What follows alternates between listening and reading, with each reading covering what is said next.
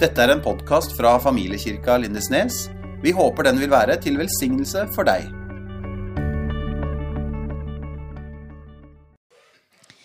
Og i dag så skal jeg fokusere på håpet som Gud gir meg, og håpet han gir den enkelte av dere. Og derfor heter talen min i dag 'Håp for meg'. Og før jeg starter sånn ordentlig på talen, så må jeg bare fortelle en historie fra det første året meg og Gard var sammen. Fordi at eh, Da ble vi enige om et nyttårsforsett. Og sånn som vi alle her inne vet, så starter nyttårsforsettene i januar. Og første året, eller Det nyttårsforsettet vårt det var at vi skulle sove ute én gang i måneden. Og det å sove ute i januar det syns jeg var litt sånn eh, litt kaldt. Og jeg tenkte at åh, jeg er ikke så vant til å sove ut, egentlig, men eh, jeg får bare hive meg i det og tenke at det går sikkert greit. Eh, og vi bestemte oss for å ta den turen i nærområdet, sånn at ikke det skulle være så langt å gå. For det var jo ikke bare det at jeg ikke hadde sovet ute på vinteren før, men det var òg at jeg hadde ikke gått med sånn ordentlig tursko. Jeg hadde ikke gått med sånn stor sekk. Og det måtte man jo på denne turen fordi at vi skulle ha med telt, vi skulle ha med sovepose, vi skulle ha med sånne ting til å lage mat, for vi skulle jo lage mat på bål. Og det var liksom alt som måtte med. Og jeg tenkte ja, ja, det får gå, det òg. Eh, og vi begynte turen opp en lang bakke opp mot fjelltoppene. Og det var jo ganske fint. Og vi stoppa på toppen. Hadde sikkert en kopp kaffe. Jeg husker ikke helt hva som skjedde på toppen, men vi koste oss i hvert fall. Jeg tok et bilde av Gard, så fin som han er, med utsikten. Og fjelltoppene og alt var fint. Og så skulle vi begynne på veien ned. Og jeg må bare pause litt der og si at Gard han er veldig vant til å gå i heia. Og han går fort, både opp og ned. Mens jeg er litt bekymra av meg, veldig redd for å gå nedover, for jeg er redd for å dette. Eh, og det tok ikke lang tid før Gard var langt foran meg, og jeg sklei gang etter gang. Og jeg endte opp med å sette meg ned og begynne å grine. Og jeg ropte til Gard 'Jeg kan ikke dette! Du kan ikke bare gå ifra meg!' sa det og grein. og Gard, litt sånn usikker, visste ikke helt hva han skulle gjøre. Vi hadde jo ikke vært sammen så lenge, egentlig. Eh, og jeg tenker at han kanskje var litt sånn som menn flest. At han visste ikke helt eh, hva han skulle gjøre. Men eh, han sa noen gode ord og tok hånda mi og førte meg ned bakken. Og vi kom oss til en plass hvor vi kunne slå leir. Og vi hadde en fantastisk fin kveld. Vi hadde snø, vi hadde stort bål, og vi hadde gode samtaler. Noe som jeg elsker. Eh, og selv om mye virka ekstremt håpløst på et tidspunkt, så ser jeg tilbake på denne turen som en skikkelig positiv og god opplevelse. Eh, og jeg ser nok kanskje ikke på Gard som Gud i livet mitt. Men på samme måte som Gard hjalp meg på, i denne historien, så er Gud en som kan gi håp i livet mitt og i min hverdag. Og I talen min i dag så skal jeg fokusere på håpet som Gud gir meg, og håpet han gir den enkelte av dere her inne. Og jeg er ikke alltid sånn, Det er ikke alltid like lett å være full av håp. Og kanskje du er her i dag og du har det skikkelig bra. Livet smiler, alt er bra. Og må Gud velsigne deg i det hvis det er din situasjon. Men så er det kanskje andre av oss som kjenner at nå er det litt for mye i livet. Det er mye som ikke gir håp, det er mye som ikke gir mening. Det er tungt. Og hva er det egentlig vi som kristne skal tenke om håpet? Hva skal vi forvente av livet? Og hva skal vi egentlig forvente av Gud? Og hvis jeg er en kristen, så betyr jo ikke det at absolutt alt i livet går på skinner hele tida. Sånn er det jo ikke. Eh, og jeg har òg mine vanskeligheter, mine problemer og mine utfordringer. Noe jeg syns er ekstremt tøft, og noe som virker helt håpløst. Men kan jeg forvente at Gud griper inn? Skal jeg, eller skal jeg bare tenke at åh, dette må jeg klare helt sjøl? Så talen min i dag handler om dette. Åssen kan jeg som kristen være fylt av håp? Og hvis jeg har mista håpet, åssen kan jeg da finne det igjen? For det skjer jo av og til at vi mister håp for enkelte ting. Men åssen kan vi finne det igjen, da? Og For å svare på dette så har jeg tre punkter som jeg skal gå gjennom. Så da vet dere at jeg har tre punkter før jeg avslutter. Eh, og jeg skal snakke om Josef, som er i Det gamle testamentet. Og i, de tre punktene så følger Josef eh, og hans historie alt sammen. Og Josef han var sønn av Jakob. Han var nest yngst i søskenflokken. Og han var favoritten, og faren elska han mer enn noen av de andre. Han eh, ga Josef fine gaver, og Josef ble noe som ingen av de andre søsknene klarte å nå opp til. De klarte aldri å få like mye oppmerksomhet fra faren, og heller ikke noen av de fine gavene. Josef han ble et slags ideal for søsknene sine. Noe de ikke klarte å nå opp til. Og det toppa seg kanskje litt når Josef begynte å drømme om at eh, han var over søsknene, og at til og med søsknene og foreldrene bøyde seg for han. Og det var jo ikke bare én drøm, men det var flere. Og det skapte så mye hat og misunnelse hos brødrene at de valgte å kaste han i en brønn mens de planla hva de skulle gjøre med han. Og de endte opp med å selge han til noen som kom gående forbi. Og de fortalte faren at det var noen dyr som hadde drept han. Og I denne delen av fortellinga ser vi mye hat og frustrasjon fra brødrene sin side. Og det har nok trolig bakgrunn i den der følelsen at man ikke når opp. Man er ikke god nok. Man får aldri nok skryt, eller man får det liksom ikke til på samme måte. Og Derfor er det første punktet mitt vekk med idealene.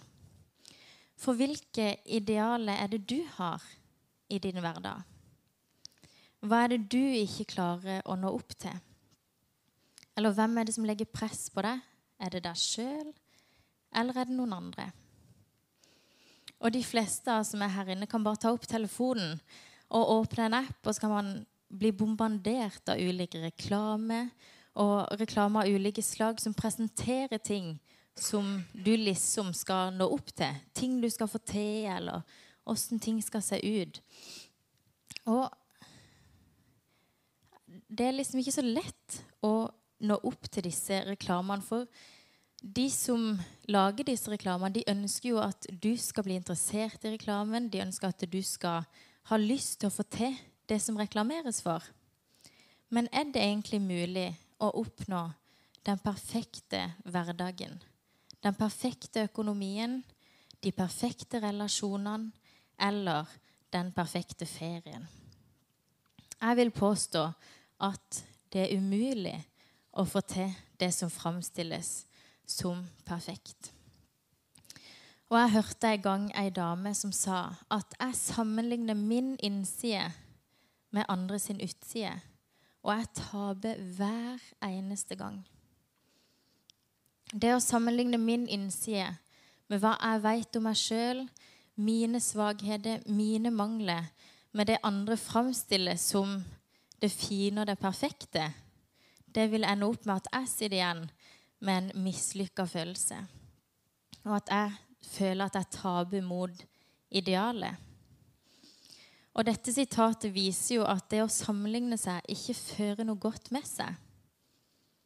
Det er jo heller det motsatte som skjer når man sammenligner seg.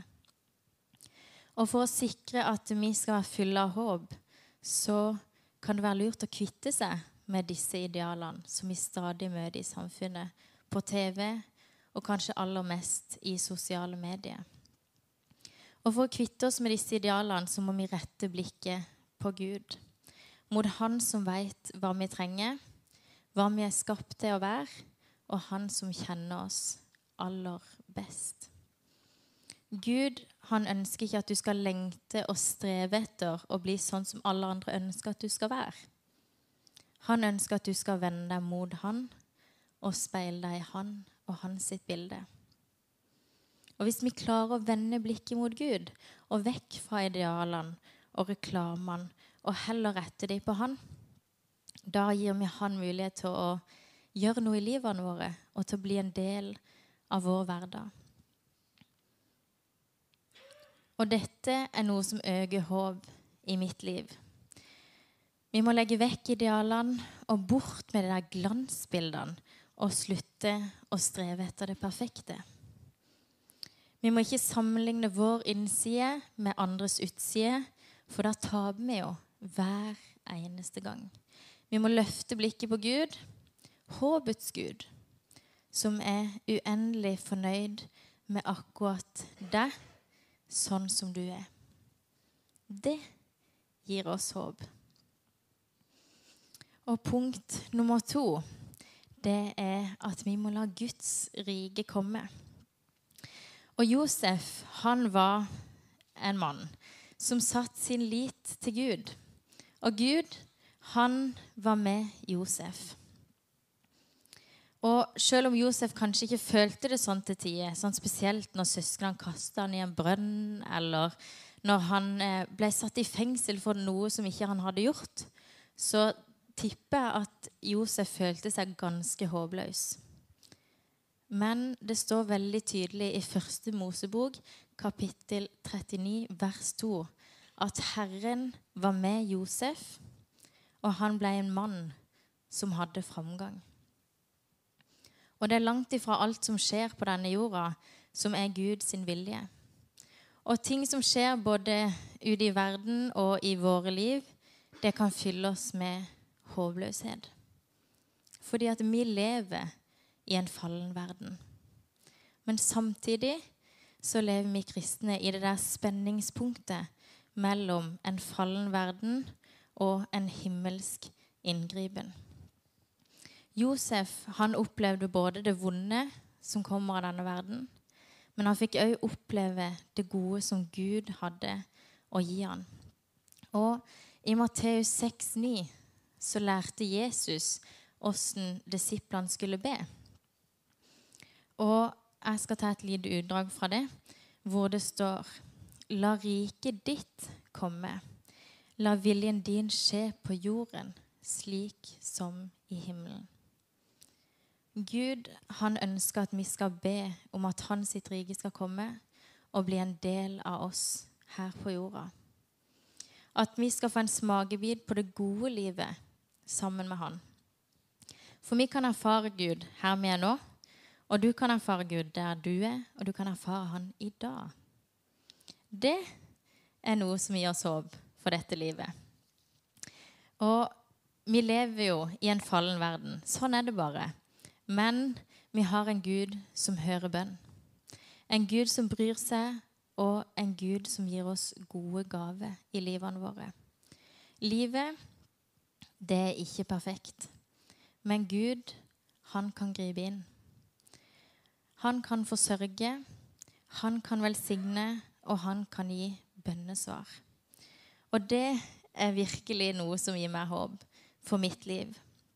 Vi kan erfare Gud her vi er nå. Og du kan òg få erfare Gud. Punkt nummer tre er at Gud vender alt om til det gode. Og I Romeren 8,28 så står det Vi veit at alle ting tjener til det gode for den som elsker Gud, den han har kalt etter sin frie vilje. Og her forteller Paulus at alt tjener til det gode for den som elsker Gud, selv om livet alltid ikke er lett. Eller at livet bytter imot noen ganger. Men da kan Gud gi oss noe godt ut av det. Og vi kan stole på at han vil gi oss noe godt. Og det er jo ikke sånn at alt i livet er godt. Og vi vet at det er veldig mye som skjer i denne verden med folk eller i våre liv som ikke er godt. Men Gud, han er ekspert på å vende det som er eh, vondt, om til noe godt. Og sjøl de vondeste ting kan Gud på en eller annen måte snu, sånn at det tjener til noe godt for de som elsker Han. Og det gir oss håp i det livet vi lever. Og vi går jo absolutt ikke rundt med en garantilapp om et smertefritt liv. Men vi har en Gud som kan snu alle ting til noe godt i våre liv. Sjøl det som er smertefullt. Og jeg har en del eksempler på hendelser som eh, er vonde, men som kan føre til meningsfulle tjenester. Som f.eks. det foreldreparet som mister et barn. De kan være fantastiske støttespillere og hjelp til andre som opplever det samme. Eller hvis man får et barn med en sykdom. Da kan man vise forståelse for andre foreldre som går gjennom det samme på en helt annen måte enn noen andre kan. Eller hvis man har vært avhengig av rusmidler, så er man en unik ressurs som kan hjelpe andre ut av det de strever med å komme ut av.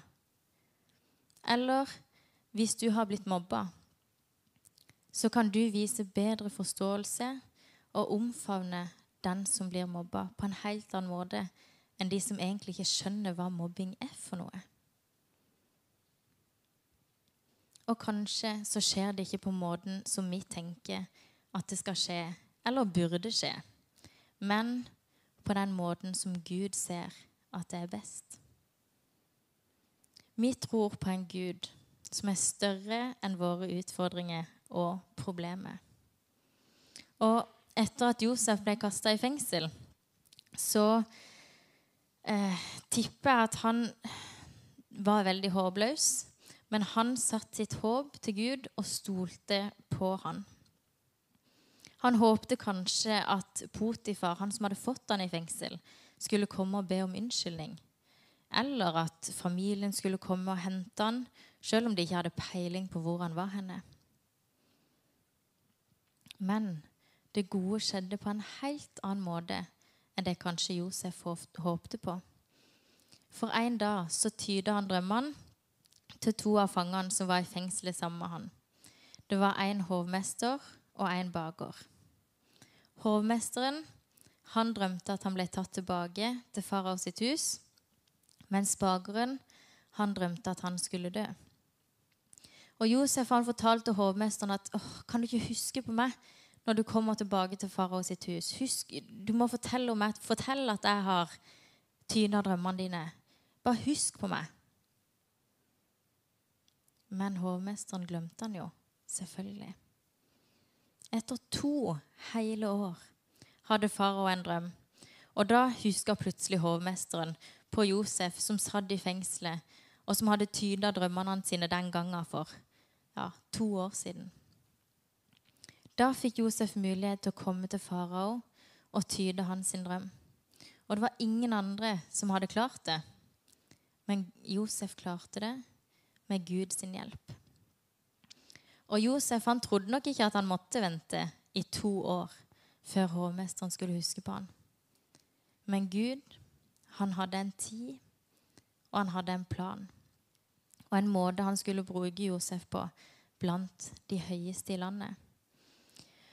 Og sånn er det med våre liv òg. At Gud, han veit hva som er best for oss. Og det betyr ikke at det vonde som skjer i livene våre, at det er Guds plan. Langt ifra. Men det betyr at det vanskelige, eller ut av det vanskelige, kan det òg komme noe godt.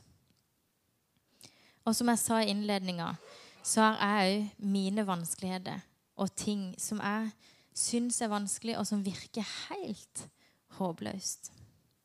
Men jeg stoler på en Gud som griper inn.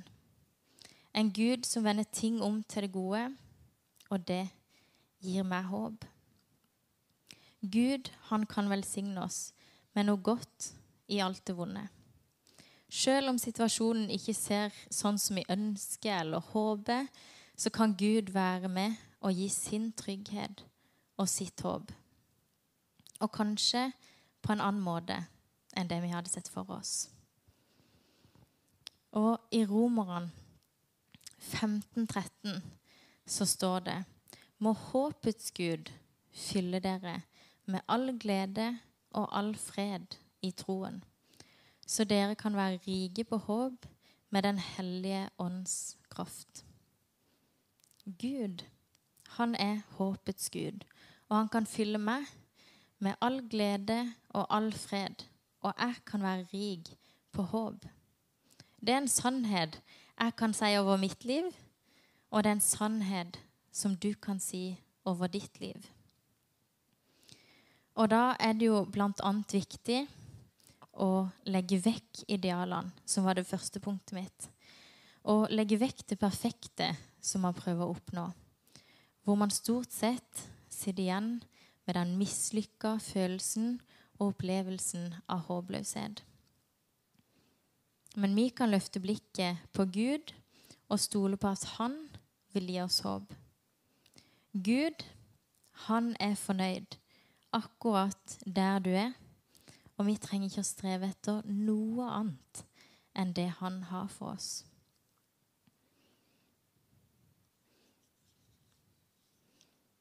I tillegg så må du ønske Gud, Guds rike velkommen i livet ditt. Be om at hans vilje skal skje, og at du stoler på at han veit best.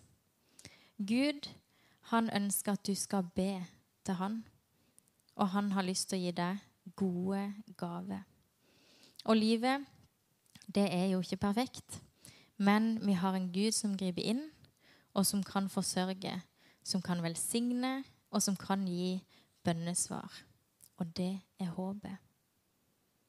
Samtidig så må vi stole på at Gud vender alt om til det gode. Sjøl om det ikke blir sånn som vi tror eller tenker eller håper.